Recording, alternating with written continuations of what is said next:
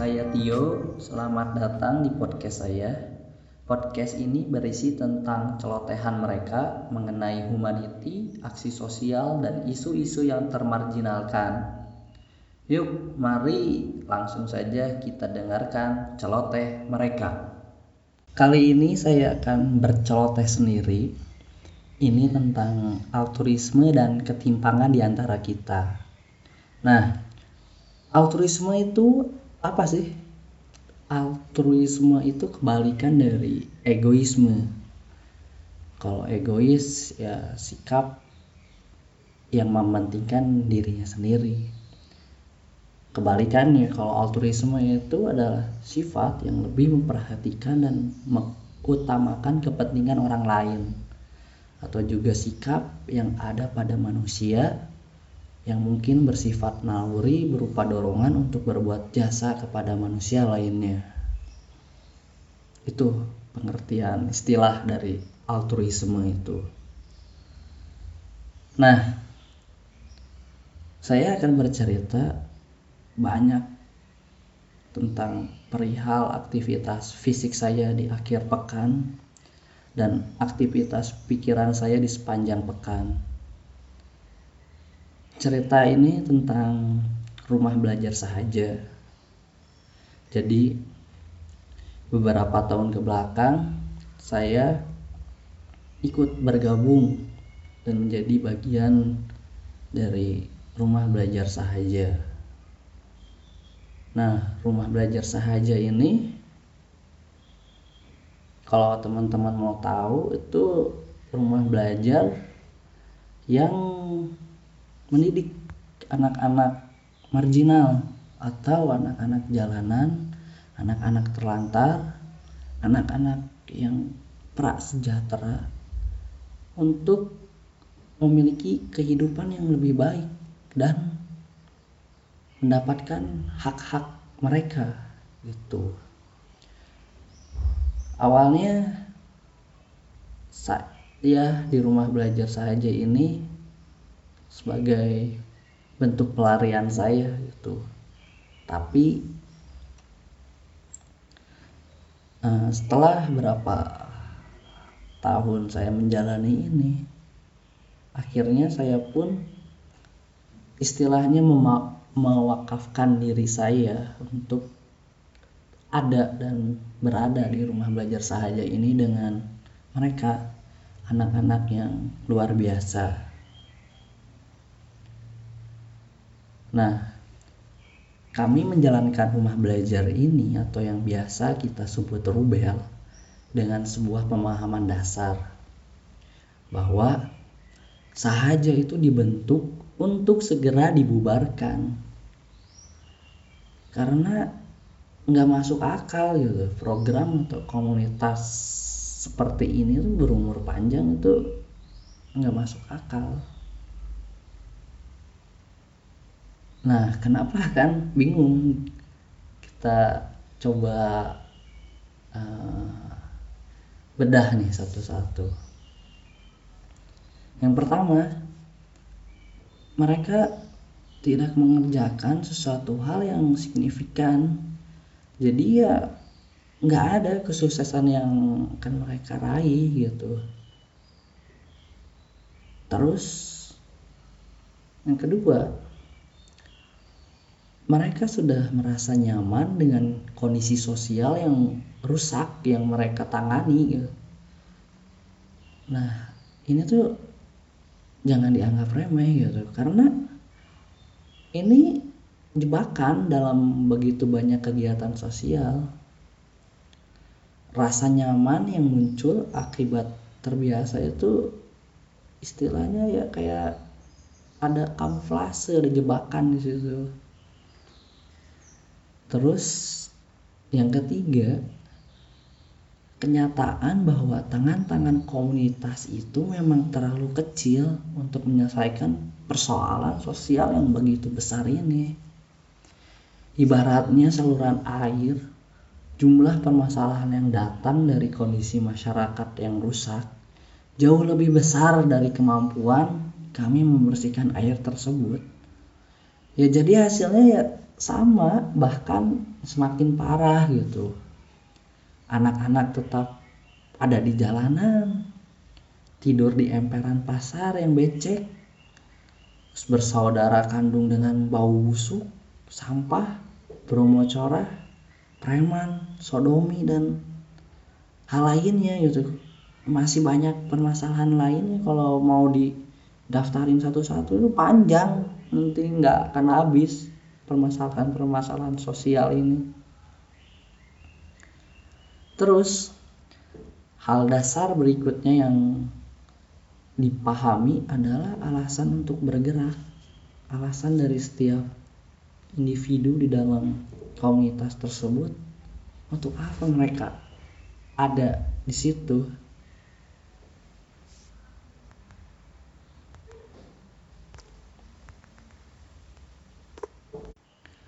Setelah beberapa tahun mengambil peran dalam aktivitas ini, saya semakin paham bahwa satu-satunya ideologi yang paling baik untuk menjadi bahan bakar adalah humanity atau kemanusiaan.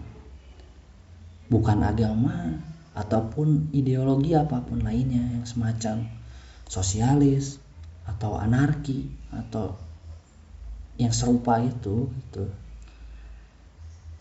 Agama pada beberapa kesempatan dapat menjadikan orang untuk urung berbuat baik, men. Apalagi ideologi-ideologi ofensif lainnya yang kayak sosialis kayak gitu ya kalian paham sendiri.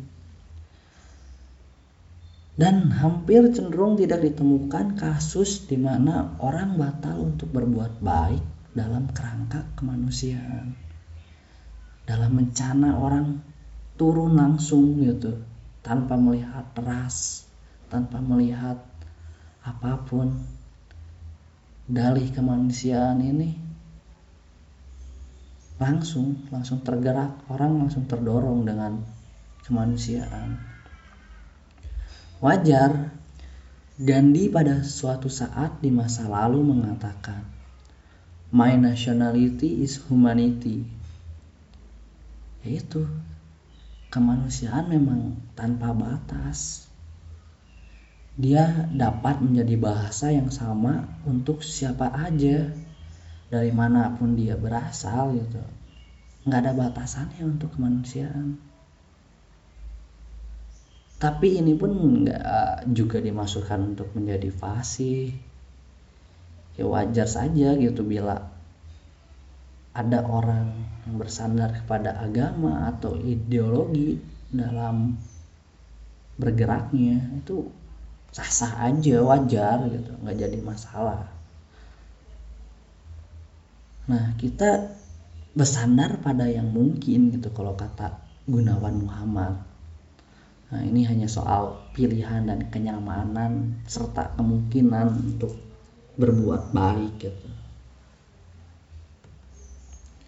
terus berkecimpung di dunia pendidikan anak jalanan wah memang menghasilkan ketegangan men. Berat. Ketika tekanan semakin menumpuk pada diri yang gak siap akan mudah sekali jatuh kepada sikap yang nggak perlu gitu ya contohnya misalnya ini yang saya rasakan sendiri gitu. Mengarahkan tegangan kepada diri komunitas itu sendiri gitu. Jadi jadi sebuah pelampiasan gitu. Dari tegangan itu dilampiaskan kepada komunitas itu sendiri. Kita menjadi mudah untuk mempermasalahkan kontribusi sesama kita seolah-olah lupa bahwa hal dasar itu adalah perihal keberadaan. Ketika seseorang ada, ikut memikirkan meskipun tidak banyak, ikut berperan meskipun kurang gitu menurut kita, ya bukankah itu sudah lebih dari cukup untuk disyukuri? Kita seharusnya paham bahwa musuh utama kita bukanlah apa yang ada di dalam komunitas itu sendiri, tetapi sesuatu yang ada di luar dan berukuran yang jauh lebih besar daripada kita. Nih, yang pertama adalah kondisi masyarakat kita yang memang sudah berpenyakit. Kalau kata seorang sahabat saya, anak jalanan itu tidak pernah dilahirkan oleh rahim jalanan. Jalanan nggak punya rahim. Anak-anak itu punya ibu kan. Anak jalanan lahir dari kondisi masyarakat yang sakit. Mereka lahir dari ketidakpedulian kita terhadap lingkungan sekitar kita. Ya kalau udah begini ya. Saya teringat pesan Rasul gitu dulu. Yang isinya kurang lebih begini. Kalau kamu hendak membantu orang lain, yang paling pertama kamu bantu adalah keluarga terdekat kamu. Itu pesan Rasul. Dan itu adalah konsep penyelesaian masalah sosial yang canggih, brilian gitu, keren. Rasul dulu udah mikir gitu untuk menyelesaikan permasalahan-permasalahan sosial itu dari dulu kan coba kita bayangkan pola solusi yang melingkar yang terjaga pada sebuah keluarga. Bayangkan bila tiap keluarga melakukannya udah nggak nggak akan ada lagi masalah yang keluar dari lingkaran itu. Jadi masalah-masalah itu diselesaikan di keluarganya nggak sampai ke masyarakat. Keluarganya bisa menyelesaikan nggak ada lagi masalah masalah berikutnya gitu namun kan kondisi saat ini nggak seperti itu. Ya kita seharusnya paham bahwa keluarga itu sebagai benteng pertahanan pertama. Sudah hancur di sana sininya gitu sekarang ini. Hancur. Kalau kalau masalah moral dan lainnya tuh ya mungkin kita yang rasakan gitu dengan keluarga yang baik yang utuh itu adem-adem aja gitu biasa-biasa aja. Tapi sisi lain mereka yang di luar sana itu sakit men keluarganya. Jauh gitu. Nggak tentram nggak adem gitu. Nggak nyaman. Jadi ya mereka pun nggak bisa menyelesaikan masalah dalam keluarganya mereka sendiri. Nah contoh paling mudah yang terlihat pada apa yang pernah sampai ke ruang keluarga kita tuh. Nah dulu saya pernah marah gitu ketika kasus ada kasus bupati seorang bupati yang menikahi anak gitu ya tau lah bupati Jawa Barat dulu yang punya kasus seperti itu gitu dan saya rasa gitu bahwa bupati itu nggak sendiri gitu praktek. Seperti ini tuh kalau kata sahabat saya tuh dia ini jamak pada beberapa daerah lainnya lumrah gitu di daerah lainnya. Terutama daerah pedalaman daerah yang terpelosok terpinggirkan itu banyak men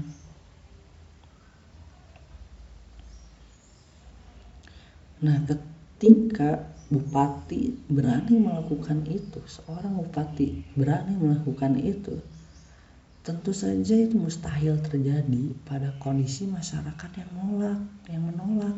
Berarti kan masyarakatnya tuh udah lumrah gitu udah ya udah gitu biasa aja. Kalau ya masyarakat yang berpikir nggak etis gitu terlebih dia seorang pejabat negara ya ya pasti akan nolak. Tapi ya kita udah dibutakan juga gitu. Yang penting ya enak gitu. Terjamin. Terus hal pokok berikutnya adalah perihal sumbangan.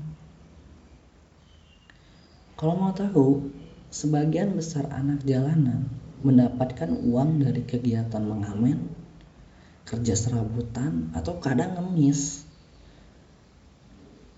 kalau kalian tahu penghasilan mereka sebulan itu bisa nyampe 3 sampai 5 juta sebulan.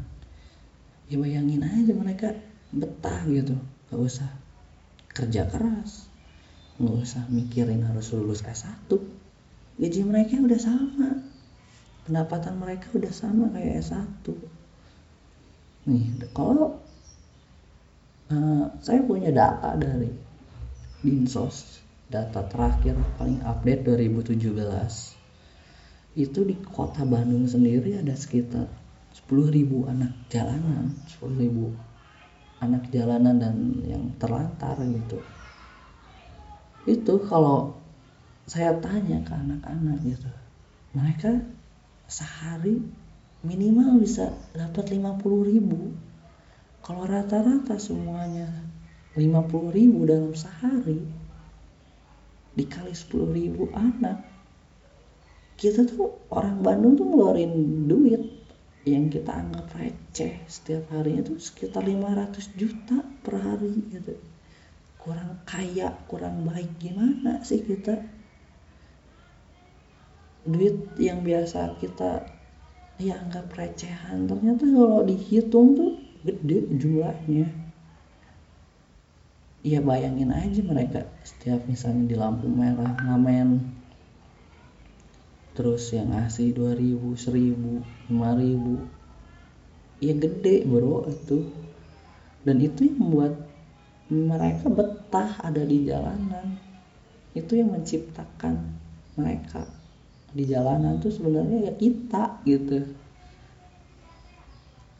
sikap tangan yang selalu ada di bawah ini ya merupakan bibit penyakit untuk jangka panjangnya. Siapa aja yang akan memiliki sikap pemalas kalau terlalu sering ngemis. Nah, sikap malas yang beranak pinak itu menjadi keenggangan gak mau itu untuk berubah, untuk bekerja keras. Karena mereka merasa apa yang mereka sudah lakukan selama ini terbukti berhasil yang menjadikan mereka bertahan hidup gitu. Mereka ya ya saya juga bisa gitu bertahan hidup hari ini dengan mengemis gitu. Itu mindset mindset mereka. Nah ini tuh harus menjadi pokok pemikiran tersendiri bagi para relawan. Kondisi yang lebih buruk adalah bila relawan itu sendiri. Demi kelancaran kegiatan komunitasnya bersikap seperti anak-anak tadi. Ya meskipun dengan terformat terstruktur yang lebih rapi gitu tapi pada intinya ada sikap yang mendasari itu. Anak jalanan yang mengemis dengan relawan yang bersikap pengemis nggak ada bedanya men. Sama-sama merusak. Nah mungkin kawan-kawan juga bertanya gitu teman-teman di sana aktivis-aktivis lain di sana mungkin bertanya ya lalu bagaimana caranya mendapatkan uang untuk menjalankan kegiatan ini gitu?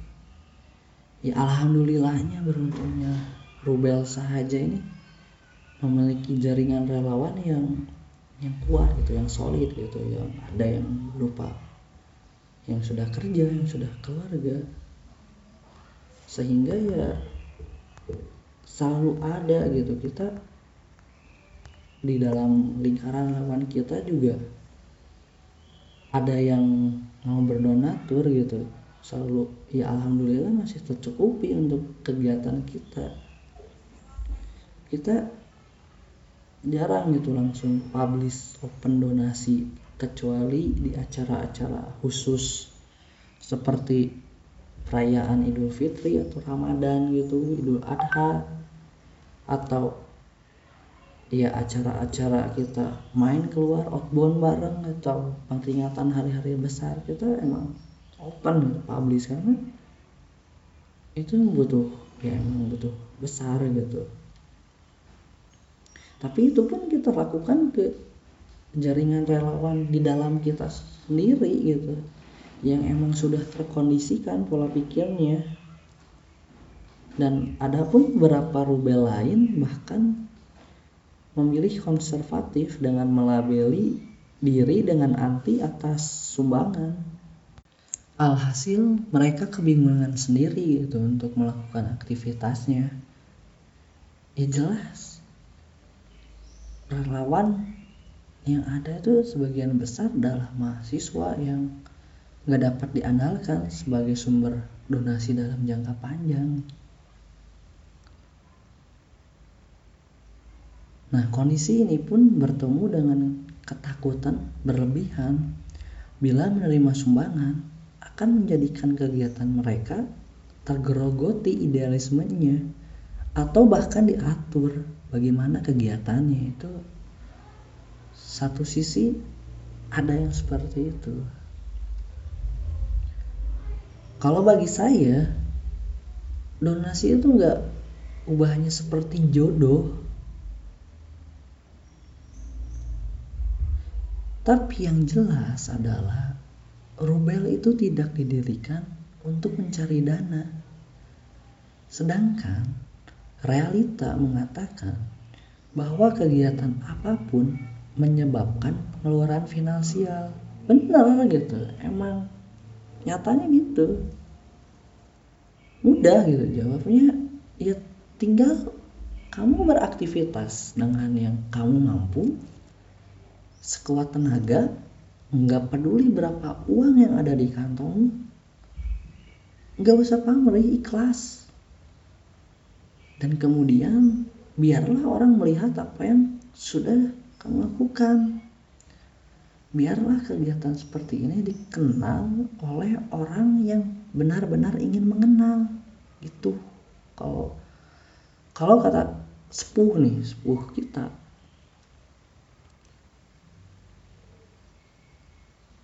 nah itu begitu juga dengan sumbangan nih dana itu akan datang ketika mereka kagum atau tersentuh dengan apa yang kalian kerjakan. Nah, itulah yang senantiasa dijalankan di sahaja sejauh ini.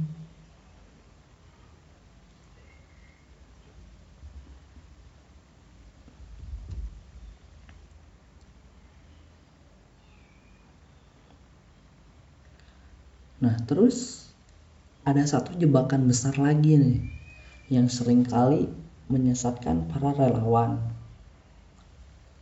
Keinginan untuk menuntut pihak luar itu terutama pemerintahan. Itu gede banget itu asik gitu menuntut karena yang emang memang gitu seharusnya ini tanggung jawab pemerintah udah jelas diatur dalam undang-undang gitu bahwa fakir miskin dan anak jalanan pun diurus oleh negara gitu. Tapi ya bagi saya pekerjaan sosial seperti ini tuh adalah jalan sunyi. Nah saya memahami ini melalui pengalaman pahit gitu. Ketika saya benar-benar diperkenalkan dengan istilah wisata miskin. Satu orang dua orang banyak orang ataupun komunitas datang untuk sekedar say hi pulang dengan wajah begitu bangga gitu. Sudah ya berbuat sosial. Udah wah asik gitu di sosmed. Ini saya udah berkontribusi nih untuk masyarakat. Saya udah peduli nih tentang kegiatan sosial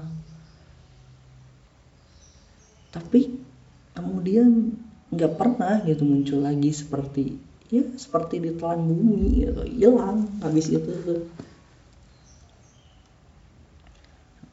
Ya, tapi ini pun bukan dengan artian saya nggak mensyukuri kehadiran mereka yang sekali datang itu. Tapi harus dipahami bahwa keadaan tidak akan pernah berubah akibat aktivitas yang pasang surut.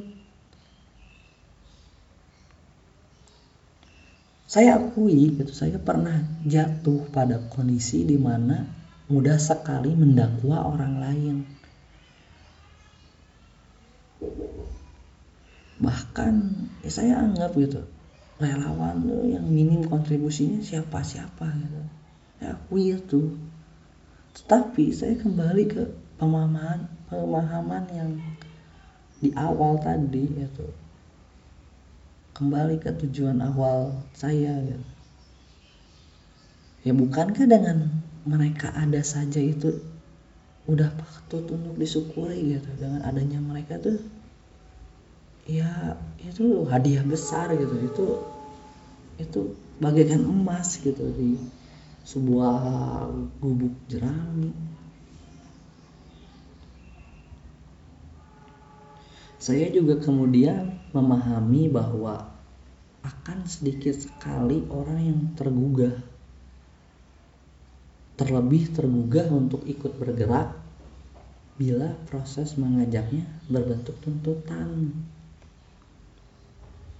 Nah, ketika itu saya selalu menarik kembali sahaja ke jalan sunyi setiap kali godaan popularitas begitu menyilaukan.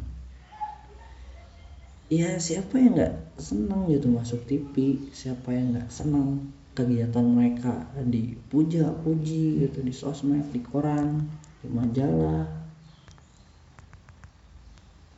Tapi apa iya gitu kita sudah siap apa iya kita membutuhkan itu dan akhirnya beberapa kali memang terbukti TV atau media datang dengan sikap yang gak etis gitu wartawan yang ingin acaranya punya rating tinggi aja kami diharapkan untuk menampilkan kondisi semiskin-miskinnya, setidak berharapnya. Ya bukankah itu bertolak belakang dengan apa yang dikerjakan oleh para relawan selama ini? Sahaja ya cukup dikenal oleh mereka yang ingin mengenal. Itu sih. Nah sikap inilah yang kemudian membawa kelegaan yang luar biasa ya saya nggak lagi berharap itu akan ada banyak relawan yang datang ke atap. Atap itu tempat kami belajar gitu. Di setiap minggunya. Ya karena saya sendiri pun yakin gitu. Saya berarti ya udah berarti bagi mereka anak-anak itu. Karena itulah saya menjadikan kehadiran relawan lain itu sebagai hadiah yang begitu luar biasa. Saya berubah dari sikap syukur yang biasa menjadi sikap sangat bersyukur gitu atas kehadiran mereka. Nah ini yang menjadikan hati saya kaya yang tak termaknai.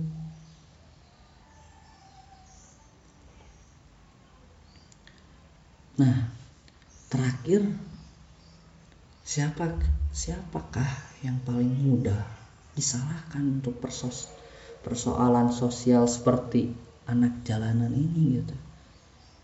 Jawabannya pasti pemerintah gitu. Nggak ada lagi.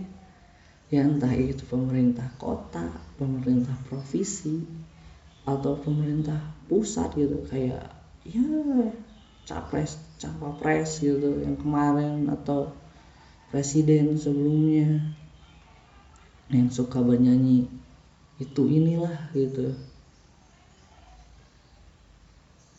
Iya ini mudah sekali gitu dilakukan gitu. Kamu nggak perlu lagi turun ke jalanan mengalami aktivitas relawan yang bertahun-tahun.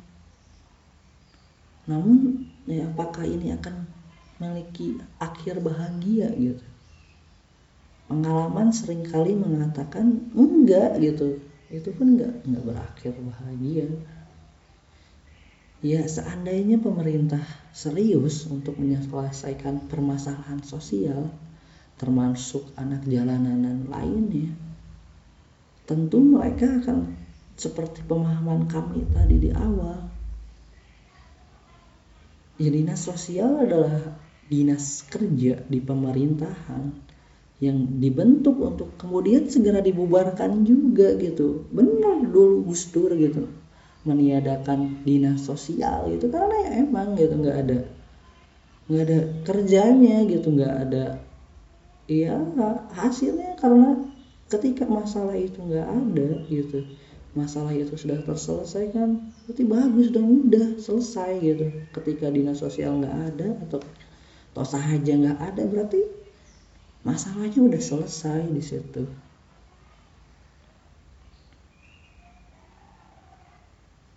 Nah ya tahu sendirilah uh, pemerintahan kita gimana dinas-dinas kita gimana gitu. Nah uh, intinya proses tuntut menuntut ini nggak revolusioner sama sekali seperti yang sering didengungkan oleh para aktivis rapat kiri ini. Bagi saya nggak ada satupun aksi revolusioner yang melebihi sikap sunyi dan hanya fokus pada usaha kalian untuk menciptakan apa yang disebut sebagai masyarakat ideal. Sebuah tatanan baru yang nggak dihasilkan oleh kebencian kepada apa pun yang buruk, tetapi memahaminya karena iman bukanlah perkara mempercayai yang terang tanpa mempercayai yang gelap gitu kalau kata Gunawan Muhammad. Mereka hanya fokus kepada kebaikan yang mereka miliki dan itu pun sudah sangat menyibukkan pikiran mereka. Mereka akan tetap bergerak pada jalur idealisme kebaikan yang mereka percayai tanpa ada keinginan sedikit pun mengurusi apa yang hal buruk yang terjadi di luar mereka. Ya hasilnya apa? Masyarakat akan memilih contoh pilihan. Masyarakat akan memiliki contoh pilihan gitu. Ini yang paling penting nih. Ketika kita menuntut pemerintahan misalnya, sebenarnya apa yang kita bawa gitu, bukankah yang hanya sebuah konsep yang ada di kepala masing-masing gitu. Dan bukankah itu selemah-lemahnya usaha? Ya saya sering kali melihat para aktivis gitu mahir berkuar-kuar tentang konsep rencana strategis dan bla bla semacamnya. Tapi melempem ketika esok hari diminta untuk menerjemahkannya ke lapangan. Dan masyarakat akan kembali nggak mendapatkan pilihan selain hal buruk yang ada selama ini gitu. Jadi marilah kita bekerja dengan lebih keras dan cerdas. Nggak perlu sibuk pada apa yang di luar diri. Kalian ya sudah cukup baik dan sibuk gitu. Perjuangan ini akan berakhir pada cahaya terang persepsi masyarakat akan kita dapatkan sebagai hadiah dan bukan sebagai apa yang kita tuju. Yang kita tuju nggak lain dari hidup yang sebenarnya hidup. Dan ini pun ya saya nggak ingin membicarakan konsepnya. Ya marilah kita berkebun dan menamai pohon-pohon yang mekar di pekarangan dan ya kita lah adalah titik terang itu. Nah gitu aja celotehan saya kali ini. Semoga bermanfaat. Kalau ada yang mau ngasih kritik dan saran bisa langsung aja ke Instagram saya. DM ke at gembel ganteng double L. Terus dengarkanlah setiap celotehan mereka karena siapa tahu pemikiranmu akan dibuat meleleh oleh mereka. Oke sampai jumpa di episode berikutnya. Dadah